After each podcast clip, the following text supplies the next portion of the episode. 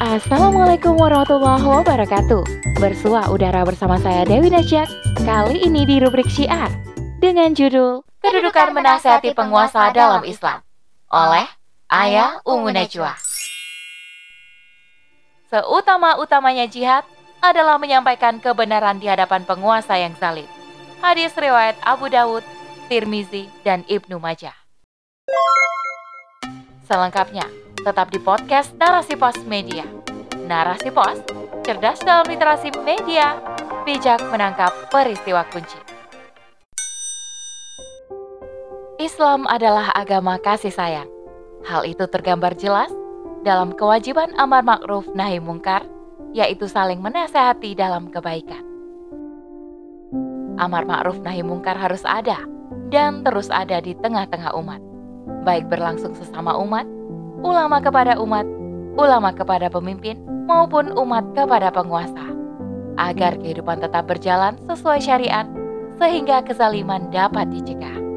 Rasulullah pun bersabda dalam hadis riwayat Imam Muslim dari Abu Ruqayyah, yakni Tamim bin Aus ad-Dari radhiyallahu anhuma berkata, Sesungguhnya Rasulullah wasallam bersabda, agama itu nasihat.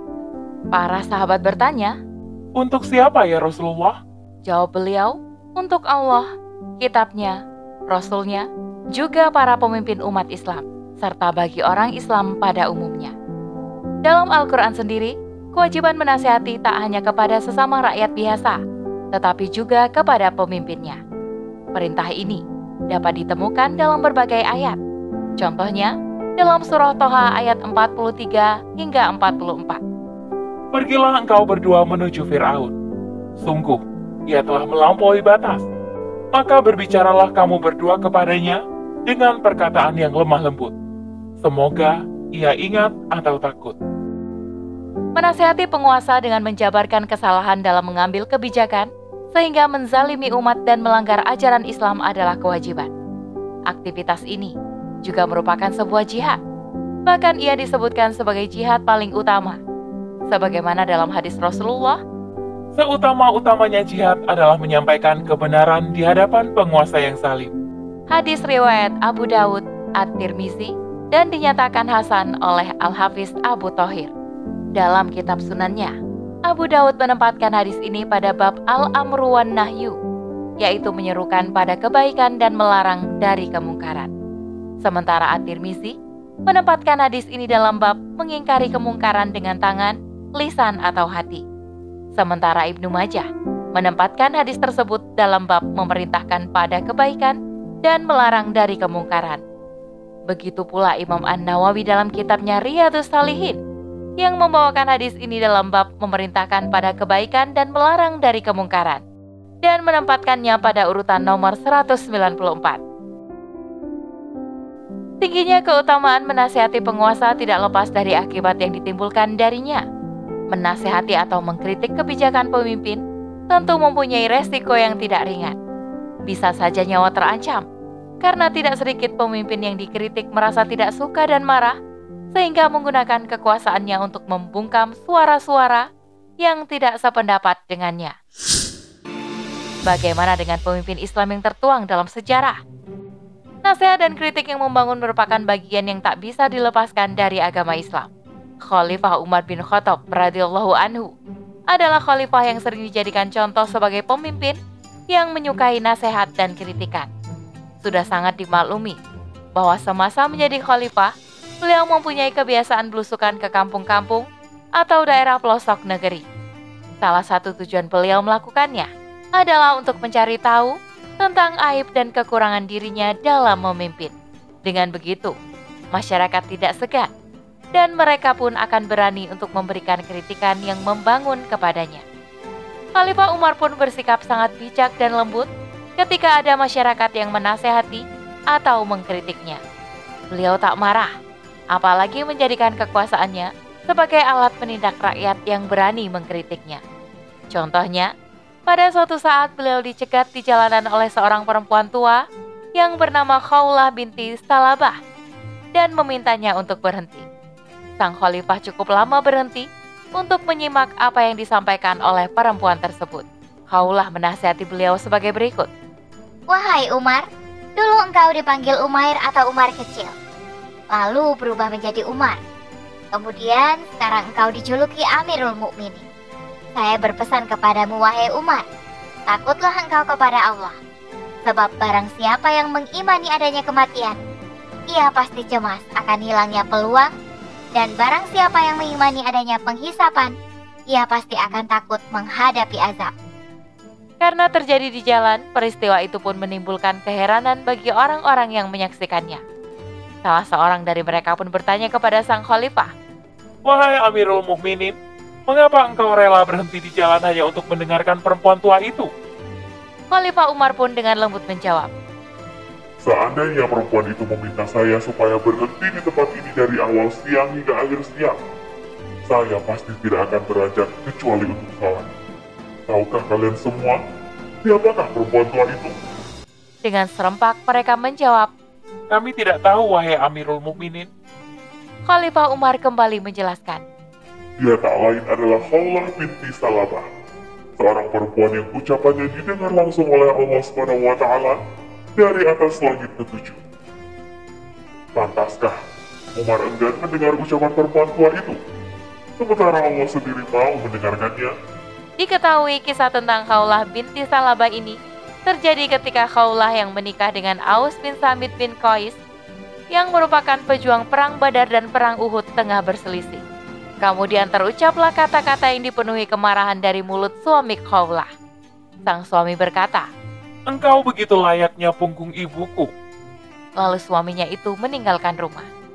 Khaulah dengan sedih dan sakit hati mengadu kepada Rasulullah tentang kata-kata zihar suaminya itu. Kasus ini sendiri baru pertama kali terjadi dalam sejarah Islam. Peristiwa tersebut diabadikan Allah dalam surah Al-Mujadilah ayat 1. Sungguh, Allah telah mendengar ucapan perempuan yang mengajukan gugatan kepadamu tentang suaminya dan mengadukan perkaranya kepada Allah. Dan Allah maha mendengar percakapan antara kalian berdua. Sungguh, Allah maha mendengar lagi maha melihat. Kisah lain yang sangat terkenal adalah ketika Khalifah Umar bin Khattab kembali dikritik oleh seorang perempuan setelah menyampaikan kebijakannya terkait uang mahar. Kisah ini pun diabadikan dalam kitab tafsir oleh Syekh Jalaluddin Asyuti dalam karyanya Ad-Durul Mansur fi Tafsiril Matsur pada bab penjelasan surah An-Nisa ayat 20. Suatu hari, Khalifah Umar naik ke atas mimbar guna berpidato di hadapan masyarakat. Wahai manusia, janganlah kalian terlalu banyak memberikan mahar atau mas kawin kepada istri. Sebab mahar Rasulullah SAW dan para sahabatnya hanya sebesar 400 dirham atau di bawah itu. Jika saja memperbanyak mahar mempunyai nilai takwa di sisi Allah dan juga mempunyai kemuliaan, niscaya kalian tidak akan melampaui mereka.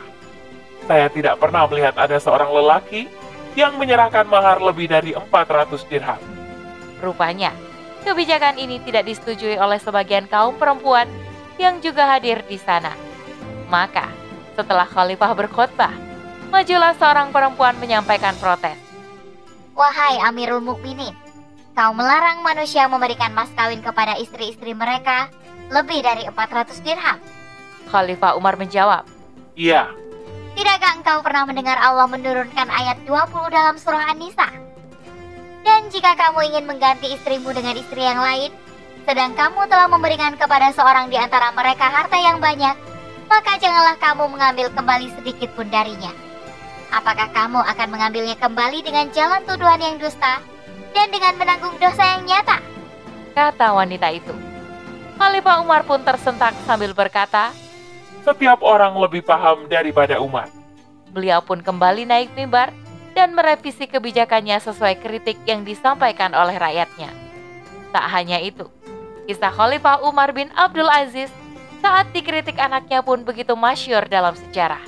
Suatu hari, setelah selesai mengurus pemakaman jenazah khalifah sebelumnya, Sulaiman bin Abdul Malik, Khalifah Umar bin Abdul Aziz pun pulang ke rumah untuk istirahat sejenak. Tiba-tiba, Abdul Malik bin Umar, putranya, menghampirinya seraya bertanya, Wahai Amirul Mukminin, hal apakah yang membuat Anda membaringkan diri di siang hari seperti ini? Khalifah Umar bin Abdul Aziz terkejut ketika putranya memanggilnya dengan julukan Amirul Mukminin dan bukan panggilan ayah seperti biasanya. Umar lalu menjawab, Aku lelah dan aku perlu istirahat sebentar. Putranya kembali berkata, Patutkah engkau beristirahat sekarang? Sedangkan masih banyak rakyat yang teraniaya. Khalifah Umar pun menjawab, Wahai anakku, aku menjaga pamanmu semalam suntuk. Nanti setelah zuhur aku akan mengembalikan hak-hak mereka yang teraniaya. Kembali putranya menjawab, Wahai Amirul Mukminin, siapakah yang dapat menjamin umurmu sampai zuhur apabila Allah menetapkanmu mati saat ini juga? Khalifah Umar pun kembali terkejut mendengar ucapan anaknya. Ia kemudian memerintahkan anaknya untuk datang mendekat dan ia mencium anak itu sembari berkata, Segala pujian hanya milik Allah yang telah menganugerahkanku anak yang membuatku menegakkan agama. Dan selanjutnya ia perintahkan wazirnya untuk membuat pengumuman kepada seluruh rakyat, barang siapa yang merasa dizalimi, hendaknya mengadukan nasibnya kepada khalifah. Dalam sejarah Islam yang panjang, kisah tentang umat yang menyampaikan kritiknya terhadap para khalifah bukanlah sekali terjadi, namun cukup banyak dan sering. Dengan begitu, tegaklah agama. Segala penyimpangan terhadap syariat dan juga kezaliman terhadap umat bisa dicegah. Para pemimpin harusnya terbuka dan was-was diri serta senang, karena dengan rakyat yang mengawasinya, ia terhindar dari perbuatan mungkar dan kezaliman. Bukannya malah marah membabi buta dan menjebloskan para pengkritik ke penjara apalagi terhadap seorang ulama yang harusnya dimuliakan. Wallahu a'lam bishawab. Demikian rubrik syiar kali ini. Sampai bertemu di rubrik syiar selanjutnya. Saya Dewi Nasyak undur diri. Assalamualaikum warahmatullahi wabarakatuh.